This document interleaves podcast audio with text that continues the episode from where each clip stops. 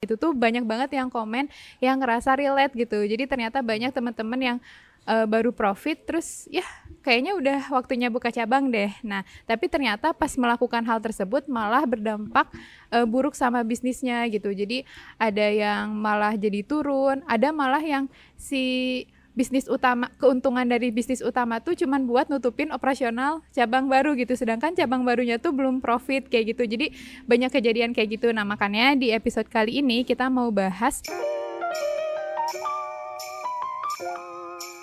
Selamat datang di podcast You Business. Podcast yang membantu kamu untuk terus belajar dan berbagi insight untuk mengembangkan bisnismu. Di sini, kita akan belajar dari para praktisi ataupun berbagi insight dengan tim You Business sendiri. Selamat mendengarkan. Assalamualaikum warahmatullahi wabarakatuh. Waalaikumsalam warahmatullahi wabarakatuh. Oke, halo teman-teman, balik lagi di segmen ngobrol bareng Yubi episode 4. Jadi kali ini kita berada di tempat baru dan kedatangan orang baru juga. Kita kenalan dulu ya. Ada Kang Rifki. Halo, halo, aku Rifki. Iya, ada Abu Aiko. Seperti biasa. Bapaknya Aiko. iya. Ada Kang Denny, CEO Stocky. BTW, Kang Rifki ini Product Manager Yubi Pro ya. Oke, okay, dan uh, aku Liana. Nah, kali ini kita mau bahas salah satu topik yang mungkin banyak juga diomongin sama teman-teman. Jadi kemarin tuh uh, beberapa waktu lalu sih, kalau teman-teman ingat, aku tuh pernah posting di Instagram You Business soal meme jadi tentang uh, apa? lompat tangga gitu. Jadi di meme itu tuh nyeritain ada orang tulisannya bisnis baru profit, terus dia langsung loncat ke buka cabang. Nah, padahal sebenarnya sebelum buka cabang tuh ada beberapa uh, tahap yang harus dilewatin dulu. Nah, ternyata pas aku posting itu tuh banyak banget yang komen yang ngerasa relate gitu. Jadi ternyata banyak teman-teman yang uh, baru profit terus ya kayaknya udah waktunya buka cabang deh. Nah, tapi ternyata pas melakukan hal tersebut malah berdampak uh, buruk sama bisnisnya gitu. Jadi ada yang malah jadi turun, ada malah yang si bisnis utama keuntungan dari bisnis utama tuh cuman buat nutupin operasional cabang baru gitu sedangkan cabang barunya tuh belum profit kayak gitu jadi banyak kejadian kayak gitu nah makanya di episode kali ini kita mau bahas uh, kenapa sih kira-kira orang tuh pengen cepet-cepet buka cabang gitu? Dan kalau misalnya kita mau buka cabang dalam bisnis apa sih yang harus kita persiapkan terlebih dahulu gitu? Ngomong-ngomong meme-nya dulu kayaknya serem banget. Itu kalau habis dipel kayaknya akan terkangkang gitu. Seruat ah kayak dia lompat iya. empat tangga ya untung tangannya kayaknya ya. lama nggak dipel itu jadi dia aman-aman aja oke okay. akan split itu patah dia selangkangan jago banget ya mungkin dia atlet parkur bisa jadi okay. parkir mungkin ya oke okay, nah aku juga pernah baca satu artikel gitu di artikelnya Mas Jaya di hot.ubusiness.com atau di Juragan Forum. Jadi uh, beliau tuh menyajikan satu data dari satu buku yang bilang bahwa ternyata dari 100% bisnis itu yang bisa bertahan nyampe 10 tahun tuh cuma 4% doang gitu. Jadi kalau hari hari ini ada 100 orang yang buka bisnis, 10 tahun lagi cuma 4 orang doang yang masih menjalankan bisnisnya gitu. Nah, kira-kira penyebabnya apa sih? Apakah gara-gara buka cabang tadi misalnya? Mungkin Noval mau uh, menjelaskan lebih lanjut. Taichi. Ini jurusnya Kang Salman. Oke, okay, jadi uh, mungkin cerita sedikit. Mungkin tadi buku yang Liana mention itu bukunya uh, siapa namanya? Michael E. Gerber. Gerber. Gerber, Michael E. Gerber. Yang buku itu diluncurkan dengan judul The E-Myth yeah. atau Entrepreneur Myth mungkin. I-nya entrepreneur bukan? Gak tahu. Gak tahu ya. Pokoknya ada imit. Yeah. Buku itu keluar mungkin sekitar tahun 80-an di mana uh, di buku itu dituliskan bahwa ada survei di US uh, eh, dengan total yang disurvei itu ada satu juta orang ya, satu juta pemilik bisnis. Kemudian di survei itu lumayan menarik sih di tahun kedua ternyata dari satu juta hanya 40% persen uh, saja bisnis yang bisa bertahan. Kemudian di tahun kelima naik lagi jadi hanya delap, uh, hanya 80%. Eh, kebalik deh. salah, salah. Maksudnya jadi 40% yang bangkrut ya. 80% yang bangkrut di tahun kelima, kemudian di tahun ke-10 tadi mungkin udah di-mention juga cuma 4% yang bertahan di tahun ke-10. Jadi ini kenapa sih bisa orang-orang tuh buka bisnis tapi nggak bisa sustain agak lama gitu. Jangan-jangan kalau teman-teman mau buka bisnis cuma dua tahun, cuma lima tahun. Nah, gimana sih cara kita bisa sustain? Mungkin itu yang nanti dibahas selanjutnya. Kemudian juga eh, teman-teman mungkin pernah mendengar gitu atau pernah juga bikin ide. Saya nih jago masak nih. eh, saya mau buka bisnis A. Saya jago futsal, misalkan saya mau buka toko sepatu atau toko olahraga atau saya suka banget sama kopi, saya ahli banget nih, sering banget minum kopi, mau buka toko kopi. Nah, jadi eh di situ tuh lumayan eh, menarik ya teman-teman membuat bisnis dengan kemampuan yang teman-teman miliki atau kalau dikategorikan itu adalah kategori technician atau teknisi. Jadi teman-teman buka bisnis karena kemampuan yang teman-teman miliki. Nah, kemudian juga eh, teman-teman itu eh, mungkin untuk awal-awal sih boleh melakukan hal tersebut gitu. Cuman eh, seiring berja- berjalannya waktu, semisal eh, sudah dua tahun buka bisnis menjadi seorang technician, teman-teman juga tidak seterusnya harus menjadi technician. Teman-teman harus mulai naik eh, ke level manajerial. Jadi eh, kurang lebih porsi techniciannya digantikan ke eh, karyawan yang baru. Nah, teman-teman mulai eh, memanage karyawan-karyawan tadi sebagai manajer. Nah, perbedaan dari technician dan manager adalah eh, technician biasanya hidup di masa sekarang atau dia fokus mengerjakan apa yang dikerjakan. Nah, manager memiliki eh, kemampuan untuk membaca data ke belakang. Wah, tahun lalu ini salah nih strateginya. Keuangannya rugi nih di tahun lalu, kita harus perbaiki nih. Nah, mungkin seperti itu. Nah, eh, kemudian setelah menjadi manajer, ada level-level tertinggi mungkin dalam sebuah bisnis yaitu the entrepreneur atau seorang entrepreneur. Nah, seorang entrepreneur ini memiliki kemampuan tadi dia bisa technician, sudah bisa manajerial dan bisa jadi seorang entrepreneur ini adalah seseorang yang melihat ke depan atau memiliki visi. Jadi bagaimana bisnis ini akan berkembang lima tahun ke depan, 10 tahun ke depan. Nah itu tuh gimana sih caranya? Nah skill-skill set tadi nggak bisa di langsung loncat gitu ya kata Liana split gitu. Nggak bisa itu nggak bisa langsung loncat ke di entrepreneur. Karena nanti bisa jadi ngikut ke fakta di survei tadi. Dua tahun setelah buka hanya 40% yang sustain ya yang sustain nah it- yang bang yang bangkrut ya bangkrut. 40% yang bangkrut. Nah, bisa jadi itu kesalahan-kesalahan dari delegasi yang terlalu cepat. Mungkin seperti itu sih. Atau bisa kita telah juga kalau katanya Jack Ma itu ada smart people, ada eh, stupid people. Nah, kita kalau mau jadi entrepreneur kita harus melatih si smart people ini untuk bekerja sama karena smart people ini susah untuk diajak ngobrol karena dia adu adu kepintaran mungkin ya. Nah, beda dengan eh, stupid people yang kata Jack Ma itu mudah diajak bersama-sama. Nah, kalau teman-teman ingin menjadi seorang entrepreneur berarti harus bisa eh, apa namanya mengorganisir orang-orang pintar tadi. Ya caranya gimana? Caranya teman-teman harus memang pelan-pelan dari bawah dulu. Kalau teman-teman lompat khawatir smart people ini lebih smart lagi dari dari kalian gitu.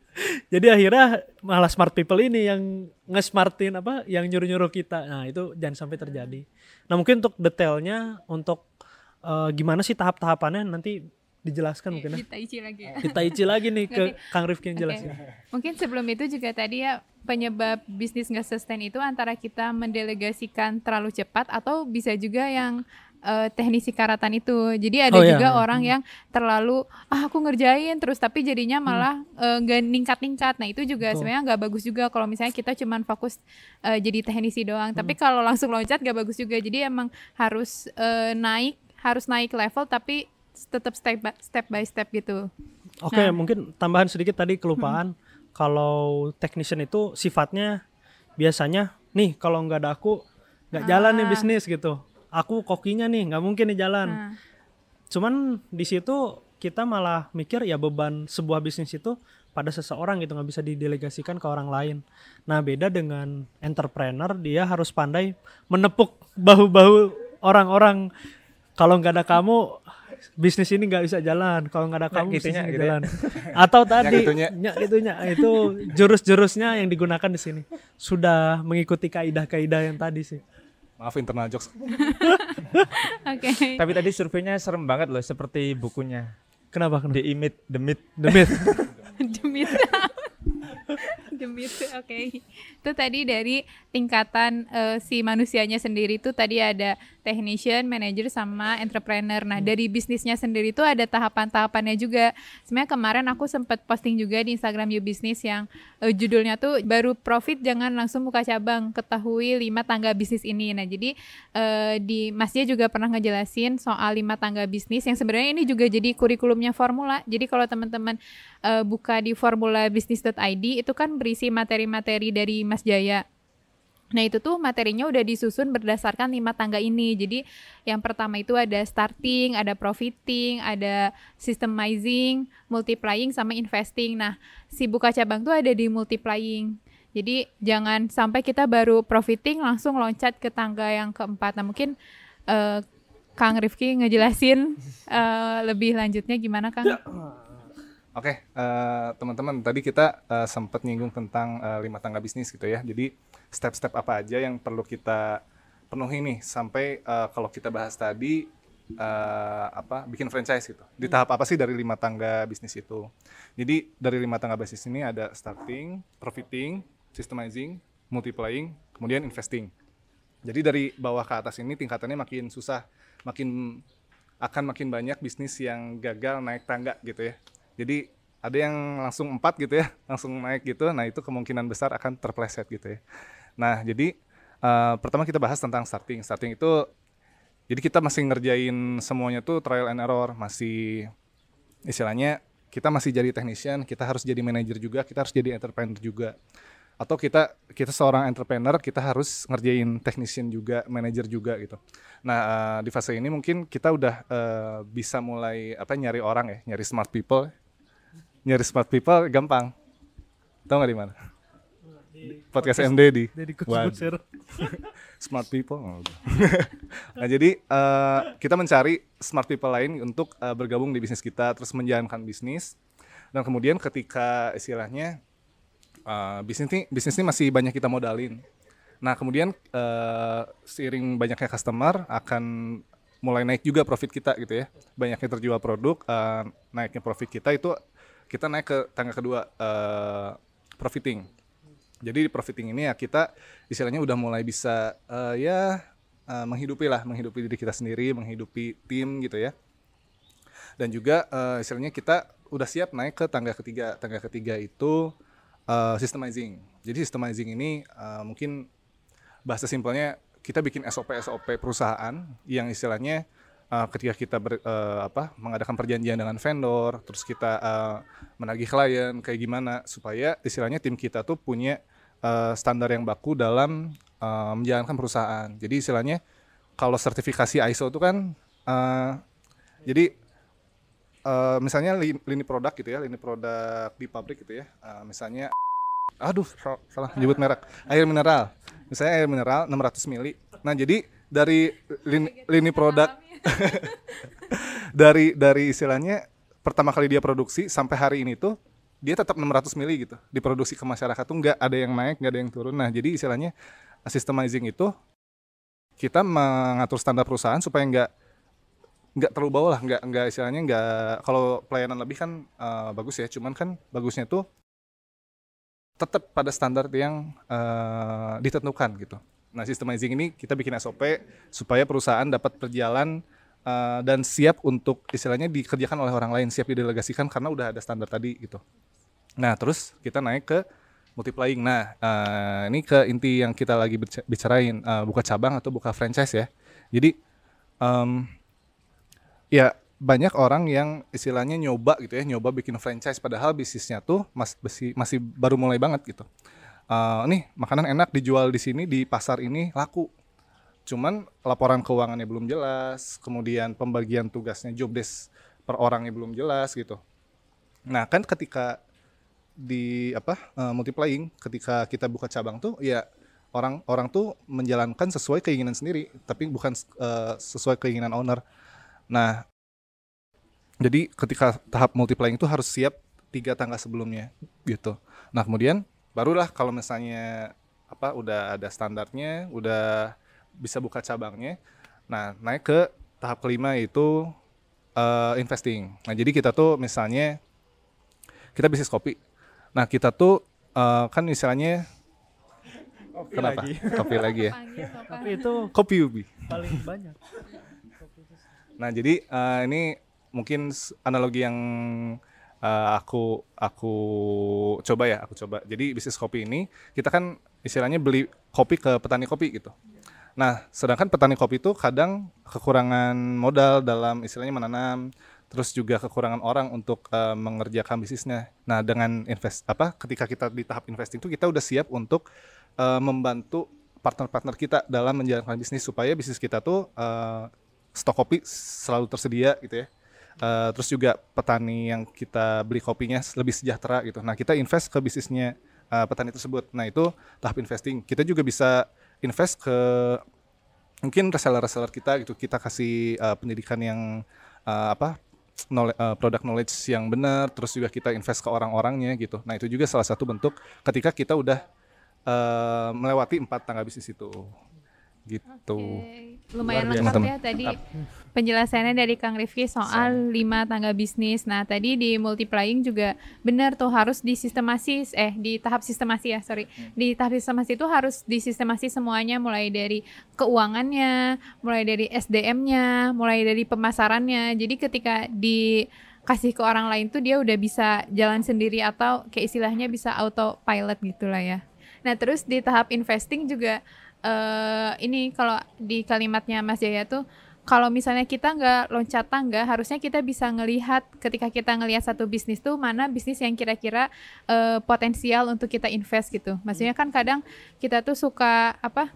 eh, ada orang yang datang nih, misalnya kita udah kita udah di tahap multiplying yang misalnya kita punya banyak modal, terus ada yang datang eh, minta kita investasi. Nah harusnya kalau kita udah melewati tangga-tangga yang sebelumnya, kita bisa ngelihat juga ini bisnisnya kira-kira ke depannya oke atau enggak Sehat gitu. atau enggak Iya gitu. sehat atau enggak gitu. Karena kitanya juga udah paham gitu. Nah Halo teman-teman, apakah itu kamu yang ingin membangun bisnis tapi bingung mulai dari mana? Atau merasa bisnisnya stuck di situ-situ aja?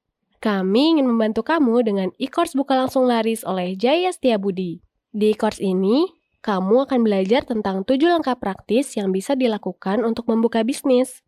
Mulai dari bidik pasar potensial, uji produk ngangenin, sampai memaksimalkan konversi. Khusus pendengar podcast You Business, Dapatkan diskon 50% dengan kode kupon Podcast You Business. Kunjungi e-course.youbusiness.com untuk informasi lebih lanjut. Jangan lupa ya, e-course.youbusiness.com dengan kode kupon Podcast You Business. Selanjutnya nih aku pengen bahas soal kan Denny belum ngomong ya. Denny mau ngomong nggak? Udah tadi dikit-dikit. nah, eh, ada nggak sih contohnya gitu eh, bisnis-bisnis yang mereka tuh berhasil menjalankan eh, tadi si multiplikasinya, si buka cabangnya tuh dengan mulus atau sebaliknya gitu? Ada nggak sih contoh nyata bisnis-bisnis yang ternyata ketika buka cabang malah eh, bangkrut bahkan gitu? Ini berarti saya harus tahu berarti ya. Pernah Enggak, mengalami Enggak. Saya sih belum belum berpengalaman tapi hasil dari baca-baca dikit. Kalau melihat fenomena cabang ini memang kan luar biasa, di mana-mana ada. Di pohon ada ini ada cabang. Terus di pon ya. di pon ada cabang, cabang olahraga. Bahkan Indonesia pun bermula dari cabang. Dari cabang sampai Merauke. Ini ini lumayan Enggak, enggak. bagus ini Itu jawab. bagus, masuk, masuk. lumayan bagus. Masuk, masuk. Enggak, enggak. Jadi begini ya. Cabang itu memang eh ke- kayaknya penting kalau pohon. Soalnya kalau misalnya kita dalam kondisi panas seperti ini kan saya paling berkilau di sini. Karena di sini nggak ada pohon yang bercabang. Kalau di situ ada.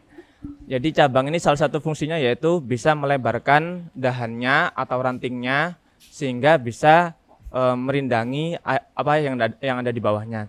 Coba kalau pohon itu nggak nggak punya cabang kayak pohon yang sudah ditebang lurus ya tentu saja dong pohon kelapa lah. Pohon kelapa. Pohon kelapa kalau dibandingin pohon beringin kan beda. Kalau pohon kelapa nggak nggak punya cabang. Tapi apakah pohon kelapa itu buruk? Nggak nggak ada manfaatnya? Tidak dong. Kan masing-masing pohon ada tipikalnya dan dan ada manfaatnya sendiri-sendiri. Begitu pula dalam dalam kehidupan di bisnis. Mungkin ada bisnis yang eh, bagus kalau punya cabang. Soalnya ada yang laku di satu tempat dan pingin agar lakunya tambah banyak sehingga membuka cabang di tempat lain. Ya. Tapi ada juga eh, kisah-kisah yang tanpa buka cabang itu juga berhasil dan bahkan jika buka cabang akan diramalkan akan tidak lagi laku, akan tidak lagi istimewa suatu produk itu. Kita mulai dari eh, bisnis-bisnis yang punya cabang. Kita tahu bersama bahwa SPBU punya cabang kan. Kalau misalnya SPBU cuma satu di Jakarta kan akan sulit. Saya yang dari Malang harus ke Jakarta dulu. Ya kali kan. Jadi SPBU, rumah sakit juga punya cabang. Bank juga punya cabang. Eh, warung makan juga banyak yang punya cabang. Mungkin Warteg, warteg. Iya, Warteg Bahari di Wah, Jakarta Bahari. punya cabang. Mungkin sebagian besar dari eh, kita melihat bahwa buka cabang itu akan menghasilkan omset yang besar. Itu iya, betul. Kalau misalnya diolah dengan bagus. Iya, betul. Betul, betul, itu. emang betul. Eh, tapi coba kita lihat Kartika Sari di Bandung. Apakah ada di kota lain? Tidak. Tak ada. kan Bandung. Eh, coba eh, aku dulu sempat ke Solo kan minggu lalu. Itu juga ada namanya soto ayam Pak Man. Itu juga cuma satu di sana. Itu dikunjungi setiap menteri yang datang ke Solo. Pernah presiden juga datang ke sana. Tapi nggak nggak buka cabang di di tempat lain. Itu juga saya kurang tahu sih kenapa. Tapi mungkin dia kalau nggak nggak di eh, kebijakannya nggak seperti itu, mungkin akan tidak istimewa lagi kalau misalnya orang ke Solo, tapi ternyata soto Pak Man ini udah ada di Jakarta, udah ada di Malang. Ya. Jadi istimewanya mungkin akan berkurang. Terus eh, contoh cabang yang tidak berhasil tadi ya. Saya punya rekan di Young Entrepreneur Academy ini sekolah bisnis yang didirikan oleh Mas Jaya Setiabudi. Ini dia dulu bikin namanya oseng mercon. Dia buka satu, kalau nggak salah di Dipati Ukur. Itu langsung rame. Namanya oseng mercon kan, langsung tar tar tak tak. enggak enggak. Kurang ya. oseng mercon. Dia itu pendapatnya pendapatan di bulan-bulan pertama itu langsung eh, bombastis.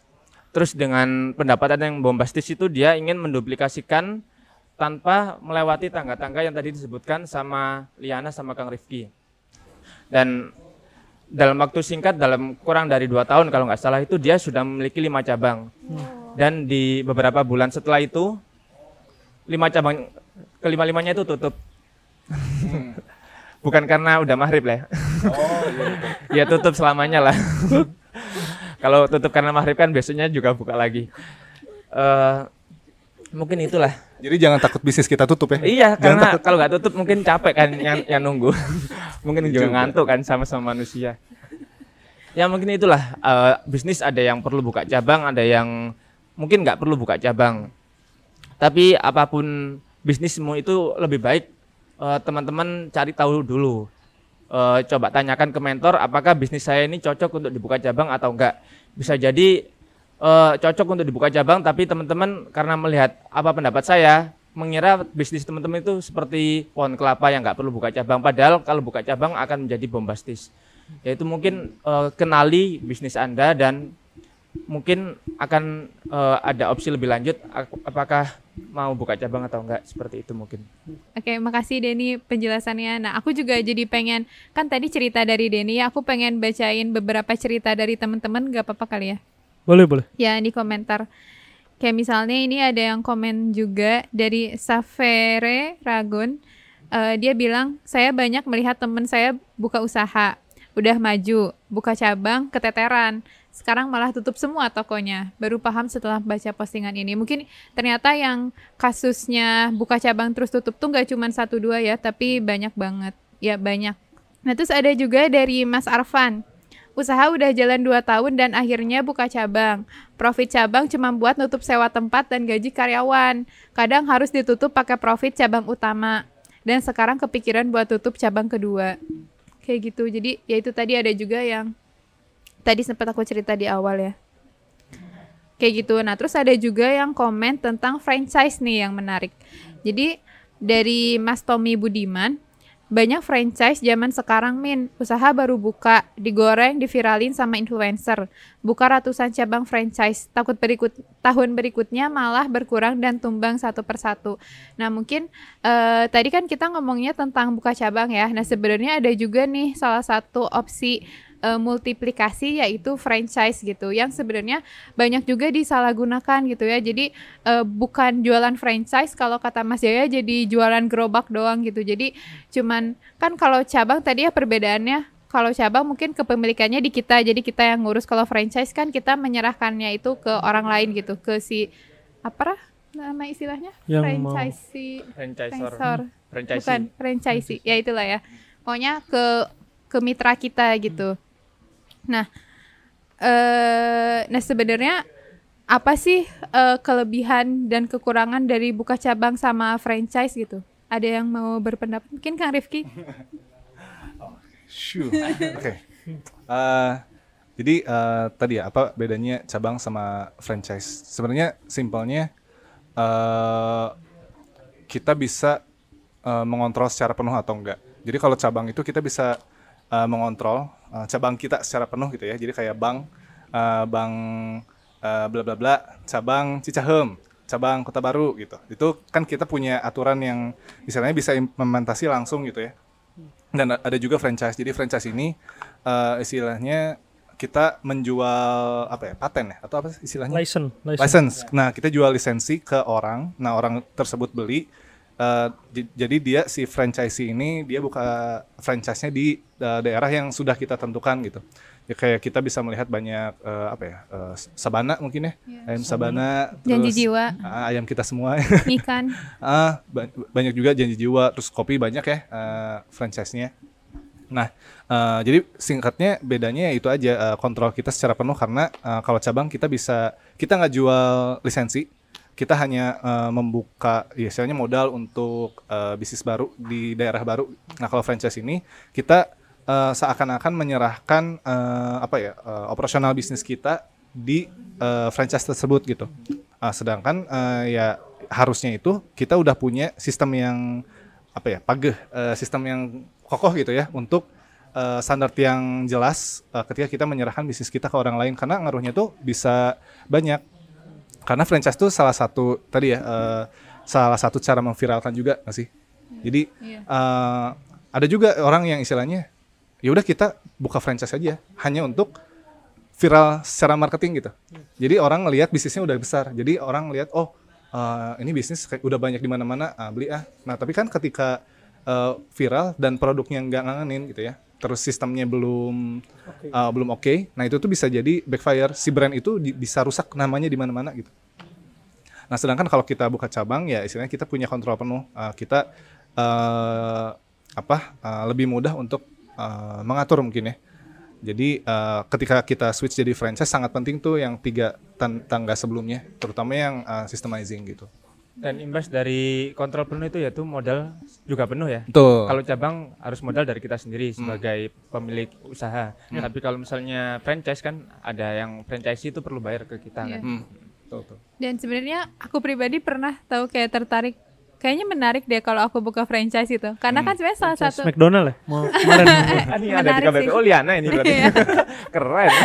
karena kayak franchise itu kan kita nggak perlu marketing capek-capek kan. Jadi Betul. marketingnya tuh udah udah sama si apa si yang utamanya Nah, itu yang si pemiliknya itu heeh. jadi aku berpikirnya kayaknya buka franchise tinggal punya modal doang gitu terus aku beli kayaknya udah auto laku gitu nah tapi ternyata eh, banyak juga gitu kasus yang ternyata setelah satu tahun tuh tumbang mungkin tadi ya banyak faktornya kayak ternyata si yang pemilik utamanya tuh ya udah dia emang buka banyak franchise buat apa buat ngeviralin atau juga diviralin sama misalnya influencer-influencer yang ternyata secara misalnya produknya tuh belum bener-bener ngangenin dan segala macam gitu. Jadi jangan sampai uh, kita cuman jual franchise doang gitu.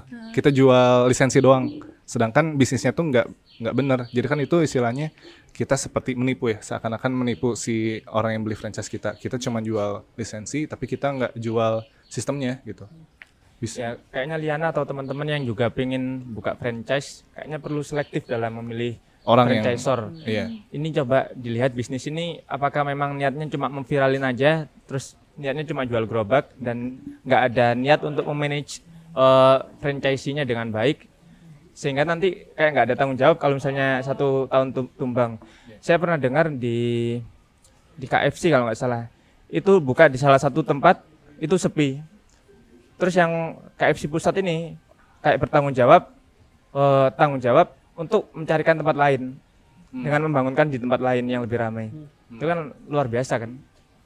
Ya, karena harusnya juga masalah tempat yang kayak gitu juga sih jadi perhatian si pemilik bisnis utamanya ya.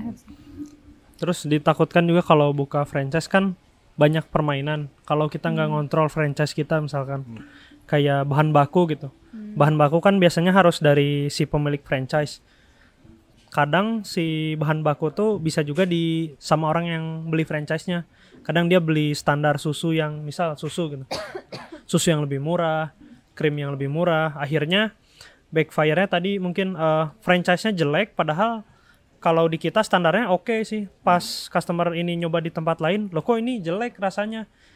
Jadi dia punya persepsi jangan semua semua cabang. kayak gini juga nih rasanya sekarang. Nah itu bahaya baik, sih. baik. Franchise atau franchiser harus selektif dalam memilih masing-masing franchisernya atau franchisee-nya ya. Hmm. ya betul. Hmm. Orang yang beli franchise juga uh, harus ngerti, ngerti banget uh, produknya dan juga ngerti bisnisnya gitu. nggak bisa beli terus yaudah saya liburan dulu gitu ke ya. Bali gitu Saya punya cabang loh banyak gitu. Ngomong-ngomong soal franchise, jadi kemarin tuh Denny eh, ketemu sama salah satu bapak franchisor Indonesia ya. Jadi rencananya kita juga pengen ngedatengin kan kalau ini kita ngobrol-ngobrol masih sebatas pengetahuan kita dan opini kita. Nah, kita juga pengen eh, menghadirkan materi yang berkualitas buat teman-teman. Jadi kemarin kita sempat mengundang Pak Burang namanya untuk eh, ngisi materi di U-Business. Mungkin nanti bentuknya eh, dalam bentuk e-course, tapi mungkin sebelum itu Denny ceritain gimana kemarin dan ketemu Pak Burang. Pak Burang. enggak, enggak. Atau mungkin Beliau adalah Iya. orang yang apa ya? karismatik asik. Kayak merek motor. Backgroundnya backgroundnya Karisma. Enggak, enggak. Eh, beliau luar luar biasa pokoknya lah. Dia paling ahli kalau di bidang franchise kalau setahu saya dan ini juga rekomendasi dari Mas Jaya Setiabudi. Iya. Kayaknya nggak nggak akan zong lah. apa Oke. aja yang udah Iya. pernah di franchisein sama Pak Burang Ada Indomaret, Alfamart, Yomart, pokoknya yang mart-mart gede-gede. Oke, jadi Pak Burang ini udah jadi konsultan eh, franchise untuk brand-brand besar juga ya. Nanti insya Allah kita bakal bahas lebih lanjutnya di e-course. Jadi teman-teman tungguin aja informasinya klik di, di sini e-course.ubusiness.com. Di sana ada e-course e-course lainnya juga ya. Silakan ditengok jadi promosi. Udah sih. Gitu aja mungkin untuk eh, obrolan kita hari ini. Jadi intinya sih tadi ya kita eh, pentingnya belajar kali ya, pentingnya kita untuk mengokohkan eh, fondasi kita dulu sebelum kita maju ke step-step selanjutnya.